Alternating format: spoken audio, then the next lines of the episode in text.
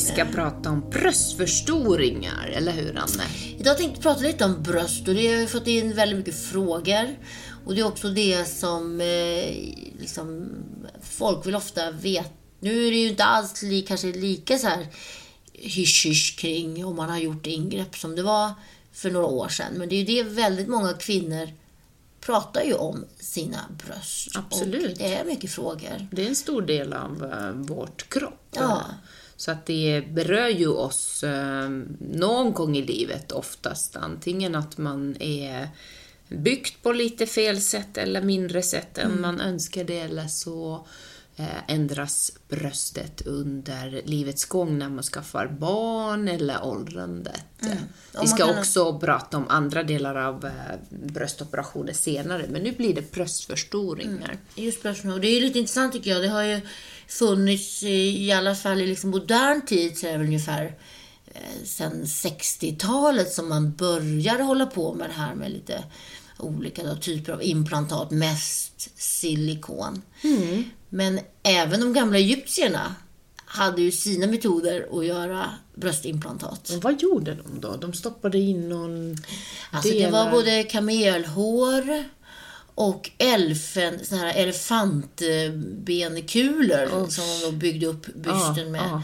för att få det. Och det är ju fortfarande inte så länge sedan så när man träffar äldre kvinnor som har någon typ av bröstförstoring i bagaget så kan man hitta olika saker som inte finns på kartan idag. Till exempel soja, vätska eller något sånt som, som bara flyter ut. Så att Precis. det är ju inte någonting som är aktuellt idag, utan idag är det ju mestadels en så kallat gelsilikon. Och varför det är gel är ju en safety-fråga. Det är precis, man vill inte att någonting ska flyta ut, utan den ska vara en kompakt del som, eh, om man vill så kan man ta bort den. Precis, och som inte då eh, reagerar heller med, med kroppens egen vävnad. Att den ligger inne i kapslar. så att den Exakt, så ligger kallat eh, gelhallon eller, eller så. Ja, lite Sen så. finns ju möjlighet att, att jobba med koksalt, men den har ju också en silikonhylsa så man kommer inte ifrån det. Och, och de är ju väldigt ovanliga idag, mer på sjukhuset om man har fått någon bröståkomma som cancer så kan man ju behöva töja vävnad med en sån här koksaltpåse. Ja, just så gelhallon, silikon är det som används Det för bröstförstoringar idag. Och jag tror det var 62 de började med det. Och det tycker jag är lite intressant, det här att det började. Vet du vilka som var först med silikonimplantaten? Nej. Det var japanska kvinnor. De ligger alltid Aha. först. Och eh, det var på 60-talet. Och de, det känner vi till rätt väl idag också. De ligger mycket före i Ja, och sen är de genetiskt väldigt småbröstiga asiatiska småbröst. kvinnor. Precis. Så ofta. där var silikonimplantatens början. Och sen är det klart att det har utvecklats väldigt mycket genom åren. Det har, och de här trenderna hur det går. Från att man ska ha jättestora bröst Ja. till att det ska vara inga bröst alls. Och idag, vilka patienter träffar du idag? Hur, hur Nej, ser men det ut? Så det, det är ju väldigt varierat självklart och allt beror på självklart på den individuella kroppsstorleken och formen och det är därför vi är alltid väldigt noggranna och eh, be eh, patienten och söka sig till sin plastikkirurg för att Mm. ta rätta mått. Man kan, in, man kan självklart ha lite inspirationsbilder vad man gillar men man kan inte plocka en väninna eller någon, någon från någon bild och säga så här, den här storleken ska jag ha för att vi har så olika mått. Alla bröstkorgen är olika bred, man har olika mängd egen körtel. Allt det där beror på, eller påverkar till vad är det så kallat utgångsläge som gör eh, att eh, vad, vad blir det för slutresultat med olika storlekar. Och sen finns det väl lite olika typer av implantat också? Ja, exakt, och där finns ju många, många namn och många företag och egentligen är det samma sak i olika, olika namn, men sen självklart finns ju det runda, generellt runda implantatet om, om man vill få mer fyllighet i bröstets överdel. Och sen det här droppformade anatomiska som simulerar mest det naturliga bröst som har lite mer fall. Eh, och de två saker som, som man väljer då både hur bröstets ut, utgångsform ser ut, men vad, vad man har för smaksak och vad man vill. Unga kvinnor kanske vill mer ha runda implantat, men och, och, och de kvinnor som är, har ammat och skaffat barn känner att de vill absolut inte att det ska se ut som en implantat på badstrand eller med kläder. Så Okej, så det är lite så att man vill Ja, att det ska se lite. ut som ett... Så runda blir mer utstickande, eller? Ja, så det beror på också på storlek självklart. Ju mindre implantatet är, desto mindre skillnaden blir. Så då att han, vill man bara ha väldigt diskret fyllighet, ett litet implantat, då spelar väldigt mycket mindre roll. Och ju större implantatet blir, desto mer kommer fram den här formen, eh, rundhet eller anatomisk. eh. Så att båda har nack och fördelar, beror på vad man är man, har man gått ner massa vikt så kanske man är väldigt tum i den bröstets övre del.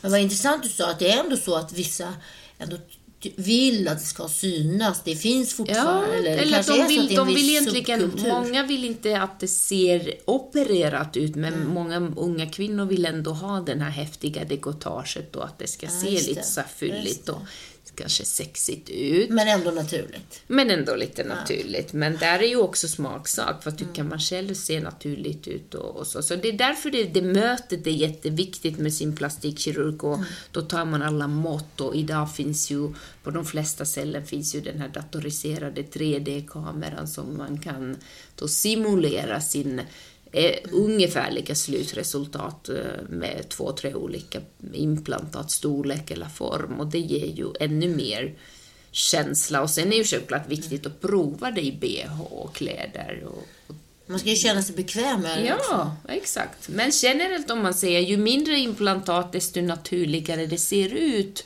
och desto mindre risker. Ja. Och jag fick, eh, vi har en fråga här som undrar om man har lagt in då implantat och haft en rätt liten byst och så har den ett väldigt stort implantat. Kan man tänja ut huden då så att det blir mer hängbröst? Det blir ju det. det. Det Problemet är ju självklart att ju större man går, desto mer det töjer. Lite som graviditet. Och är man ung och har jättefin hud, så då kan det, hudet dra sig tillbaka och anpassa sig lite grann. Men ju äldre man blir, desto tunnare huden blir och då större risk är det ju att Eh, att man till och med när man byter, om man säger nu är jag 55 eller 60, jag vill ha mycket mindre bröst, då byter vi till en mindre implantat och så gör vi ett bröstlyft kanske.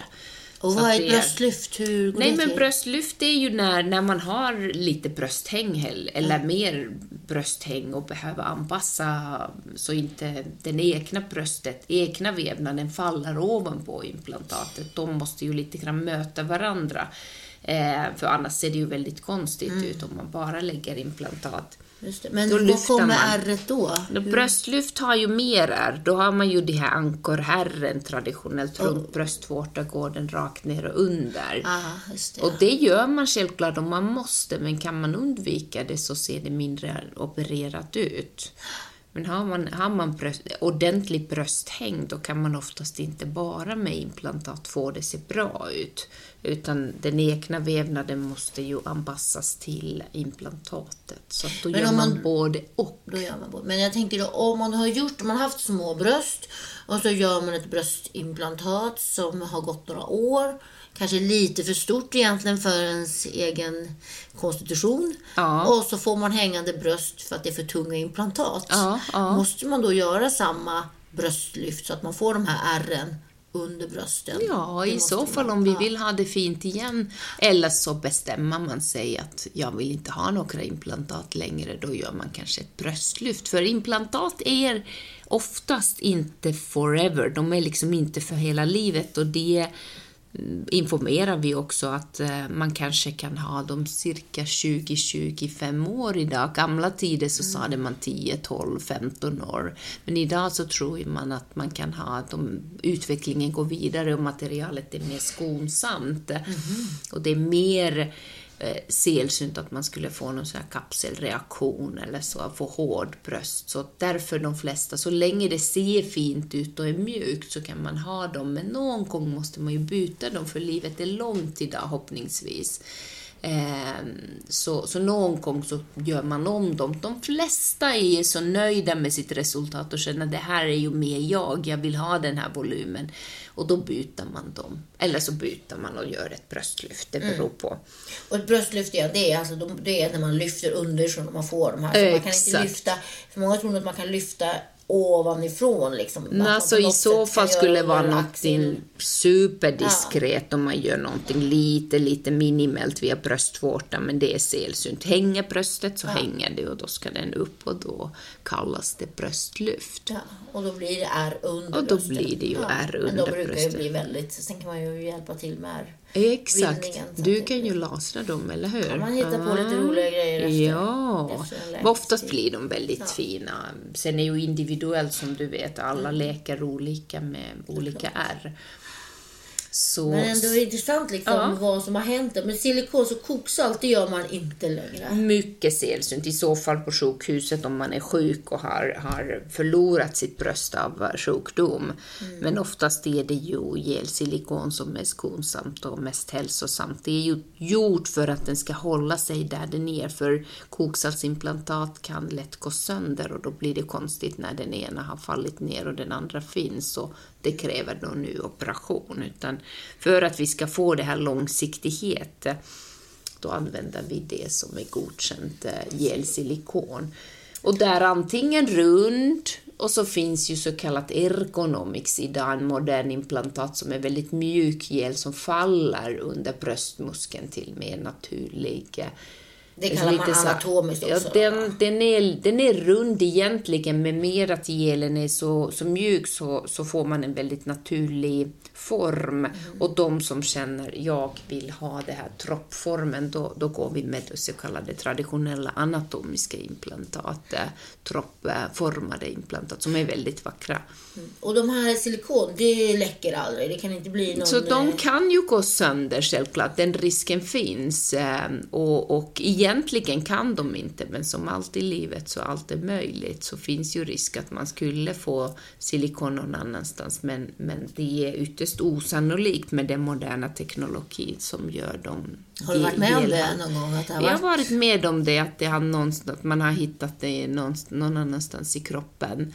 Okej, okay, så de märkt, för jag tror mycket så här eh, också att man tror att oj, nu går bröstet sönder och så liksom pyser ut och så läcker det. Utan det är en lite mer slow release. Att det är slow release i så fall. det, det var det... mer vanligt med de gamla implantat som var flytande silikon. Mm. Då kunde de börja läcka men inte de nu, att de är ju mer fasta. Och så. Men självklart som allt, eh, man måste ju följa sin kropp och lyssna på det och, och, och inte ha dem för länge. Man ska byta sina implantat i viss, viss eh, tidsintervall så att det håller sig fräscht. Mm. Mm.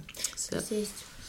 Um, och jag kommer ihåg, min, eh, jag växte upp med en plastikkirurgpappa, så jag kommer oh. ihåg vi ah. hade de här silikonbrösten i, frys, i frysen och den använde jag när jag hade huvudvärk. Nej. Så la man en liten uh, silikonbröst över pannan. Är det sant? Så, så växte jag upp. Så det var din kylmask? det var min kylmask. Gud vad skönt. Jag fick min, eh, mina svullna ögon efter en ah. sen kväll och gå tillbaka i tonåren. I dina små silikontuttar. Ja, silikontutten i pannan. Nej, men eh, teknologin har ju gått vidare så mycket så att idag har vi, jag pratar väldigt mycket på, på min Instagram om den här eh, small implant eh, bröstförstoring där man kan med väldigt väldigt små implantat får väldigt naturliga resultat. Så att eh, så många kvinnor vill ha tillbaka sin bröst efter amningar och kan få ytterst naturliga resultat. Men sen finns ju unga tjejer eller vissa kvinnor som känner jag vill ha den här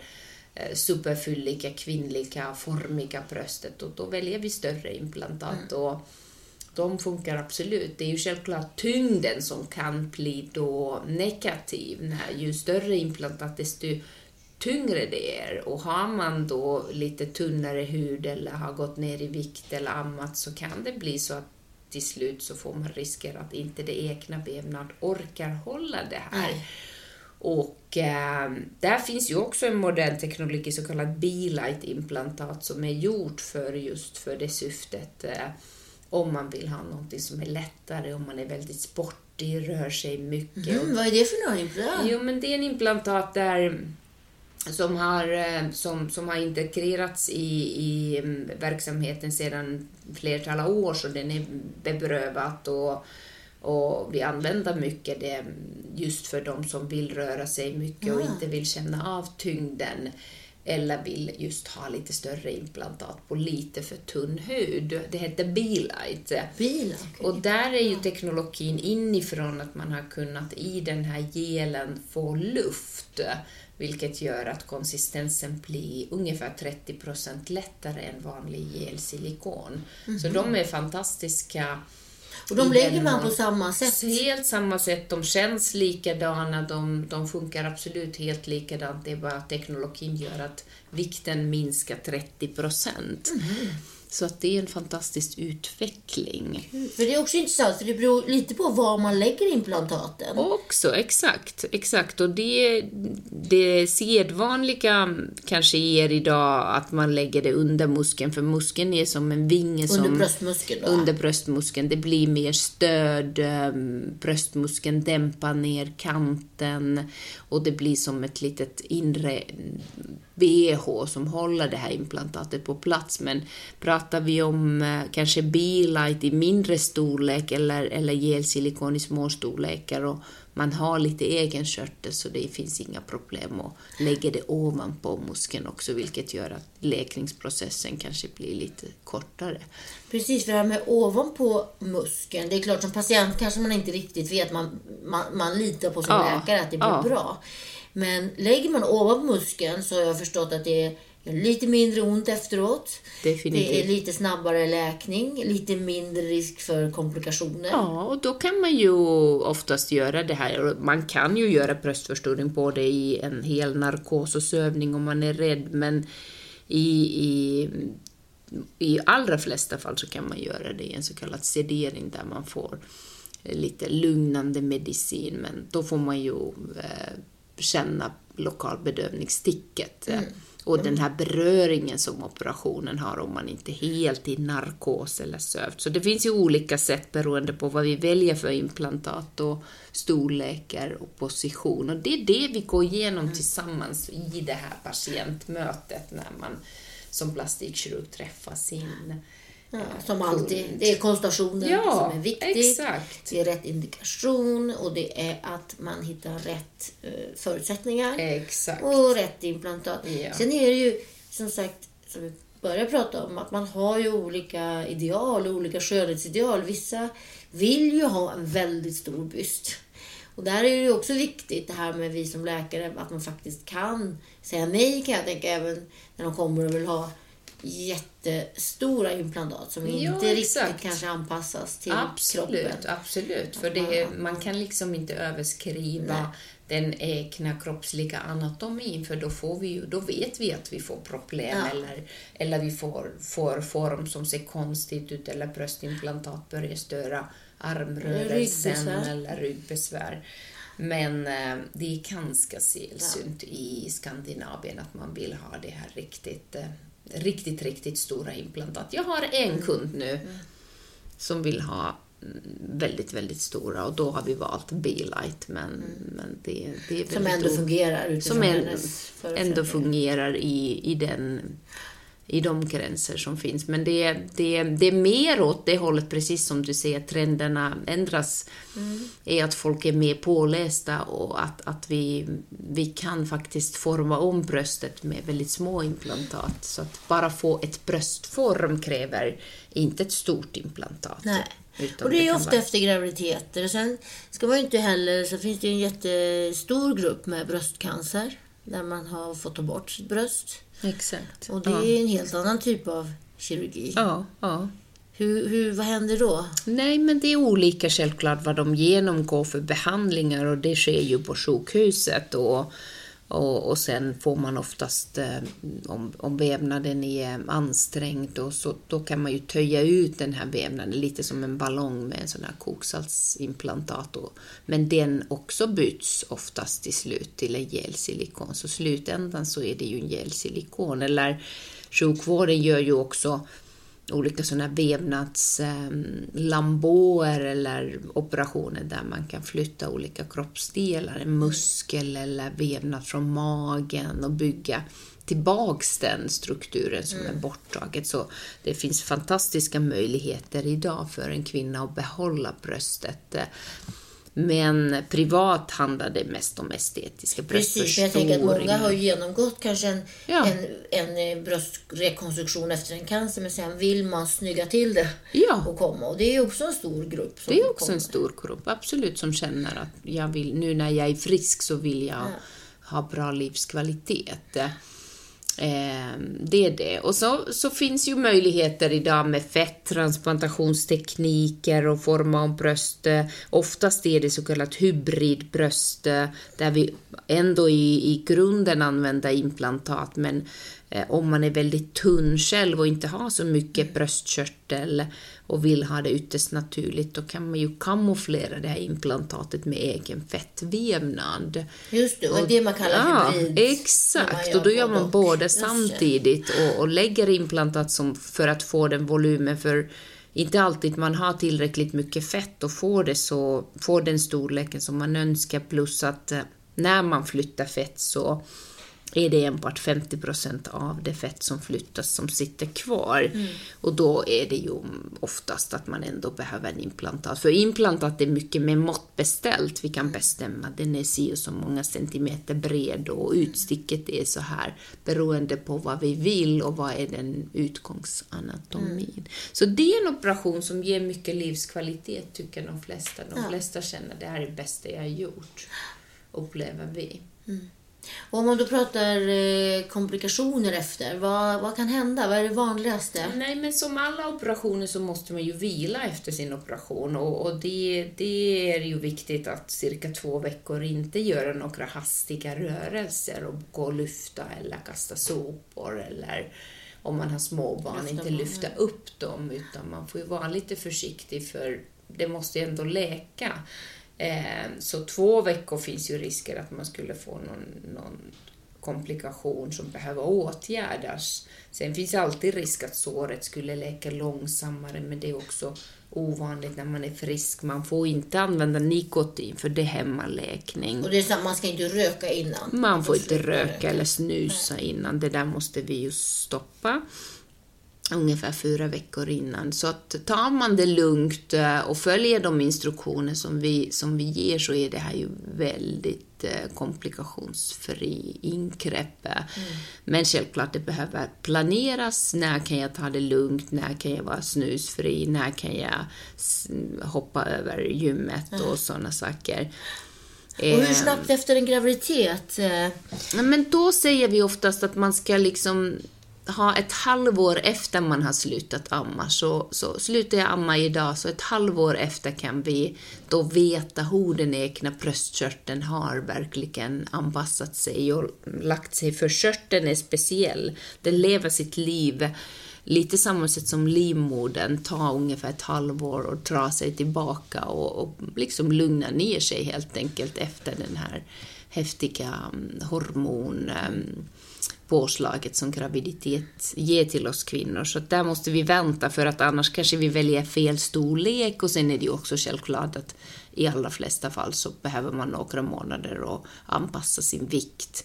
Och stabil vikt är alltid förutsättning till stabil resultat efteråt. Så att det, är, det är också så här, vi måste landa man har slutat amma. Ja, och sen kollar vi vad, vad har det hänt med det egna bröstkörtel. Och det, det är någon konstig planeringsfel från naturen. att kvinnor som har små bröst oftast blir ännu mindre efter man har ammat. De bara liksom... Tappar allt. De, det bara försvinner. Och, och de kvinnor som har lite fyllig bröst, de kanske blir ännu större och till slut Fan, för stora. Det är jättekonstigt. Aldrig lagom. Aldrig blir det bra. Eh, och, och då blir det ju många kvinnor som känner ja men jag hade små bröst som var helt okej, men nu finns ju inget kvar. Det här är ju inte okej. Då är det ju... Om man då bestämmer sig för att skaffa till barn efter man har gjort en Ja, men det bröst. kan man ju göra självklart. Och det här är ju, som sagt, implantatet ligger antingen under den egna bröstkörteln eller under muskeln, så det påverkar inte det egna. Men, men självklart, ytterligare graviditet kan påverka din kropp på det sättet att den ändrar sig. Det är inte implantatet som ändrar sig, men det kan ju att kroppen ändrar sig och då kan det bli någonting att till exempel det egna bröstet börjar hänga ovanpå, att man skulle då behöva göra någonting åt det. Så vill man vara sådär helt säker, nu gör jag det här för att få långsiktiga resultat, så brukar vi säga skaffa dina barn först och sen gör vi det här. Men idag så finns ju lite mer möjligheter för kvinnor att skaffa barn också lite senare, inte för sent men ändå lite senare. Så det gör ju att många unga kvinnor känner att jag vill ha den här livskvaliteten. Jag, jag får titta på det sen, vad vi gör. Mm, men det är ingenting som Senare. förhindrar att amma och det påverkar inte... Inte direkt så. Det finns ingen vetenskap som säger att implantat skulle hindra amning. Sen är det ju ungefär 50 procent av kvinnor som har olika mm, svårigheter att amma av olika andra skäl. Det beror inte på implantatet, men, men det kan ju ändå vara... Sen om man gör en jättestor bröstförminskning, tar bort mycket av den egna bröstkörteln, då, då kan det bli så att det till och med påverkar amningsförmåga. Så att det är lite oli- olika vad vi gör, men inte själva implantatet. Nej. Det är mest att det estetiska slutresultat kanske inte ser lika ut efter tre stycken graviditeter. I vissa fall ja. Vissa kvinnor upplever att eh, med att jag fick lite till egen körtel så ser det ännu mer naturligt. Lite som en hybridbröst där man flyttar Man får lite mer fett. Exakt. Så att det är en fantastisk eh, möjlighet och, och livskvalitet för kvinnor, tycker de flesta. Jag har en sista fråga Mm. innan vi avslutar. Då. Det här med trådlyft och lyfta bröst med det var det Jo, men det provades ett tag en sån här grej som man gick och sydde in och visst, det kan ge en tillfällig liten effekt till bröstlyft, men nej, tyvärr, den har ju inte tagit bort det sedvanliga traditionella bröstlyftet. Så hänger bröstet så hänger det, då ska den lyftas. Nej, men det här är ju oändligt område att prata om och ni får gärna på vår Niptalks eh, in, eh, Instagram skriva era önskemål. Finns det någonting speciellt ni skulle önska att vi pratar ytterligare om, om det här området eller så går vi vidare och pratar om andra saker som bröstlyft och bröstförminskning och olika andra detaljer i dekotaget som du tar hand om. Ja, men det är ju, det är ju en helhet att se hela. Men just själva, jag tror just att det är ändå en av de vanligaste ingreppen att göra. En bröstförstoring. Det är så stor del av kvinnans kropp. Mm. Det är ju så stor del av kvinnlighet. Att ha sin bröst. Och det som jag faktiskt idag pratar väldigt mycket om eh, med den moderna teknologin som har ändrat att implantatkonsistensen är mycket skönare idag. Eh, när jag började med det estetiska mm, karriären 18 år sedan så var ju implantaten lite stuvat. De kunde se väldigt vackra ut. Men när man väl tog i bröstet så blev det lite studseffekt eller man kramade varandra så blev det lite hårt. Mm, och det var ju, nu är de mycket skönare att ta i. Och det tycker jag är extremt viktigt när du, det är inte bara när du står framför en spegel att det ser fint ut, du måste kunna Bröstet är ju en fysisk organ, man måste kunna ta i det själv. Någon annan kanske ta i det. När du rör dig i duschen, tvättar dig. Det, det måste kännas skönt och naturligt. Och det gör de mo- moderna implantat, om man nu inte sen skulle få någon komplikation, vilket är ovanligt.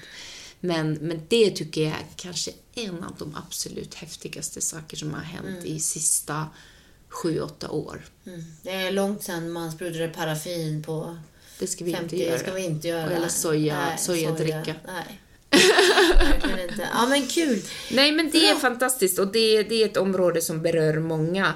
Eh, så det ska vi snacka mer om, men kanske nästa gång om dina laserbehandlingar på dekolletaget Alltså dekolletage är ju, dekolletaget är ju liksom en del av hela bröstet. Mm, mm. Jag brukar säga att ansiktet slutar ju nere vid brösten. Så att Ah, man, man glömmer bort hals, man glömmer bort dekolletage. Ja, det får man Och inte där, göra. eh, de här små rynkorna mellan brösten, hur vi åldras. Ja, det är helhet, Det eller är en helhet. Så att även om man då har eh, lyft brösten eller förminskat eller om man nu känner sig bra så är det här eh, lite ingenmanslandet här, dekolletaget, Mm, som jag gärna pratar lite om eh, nästa Det gång. ska vi ta ses. nästa gång.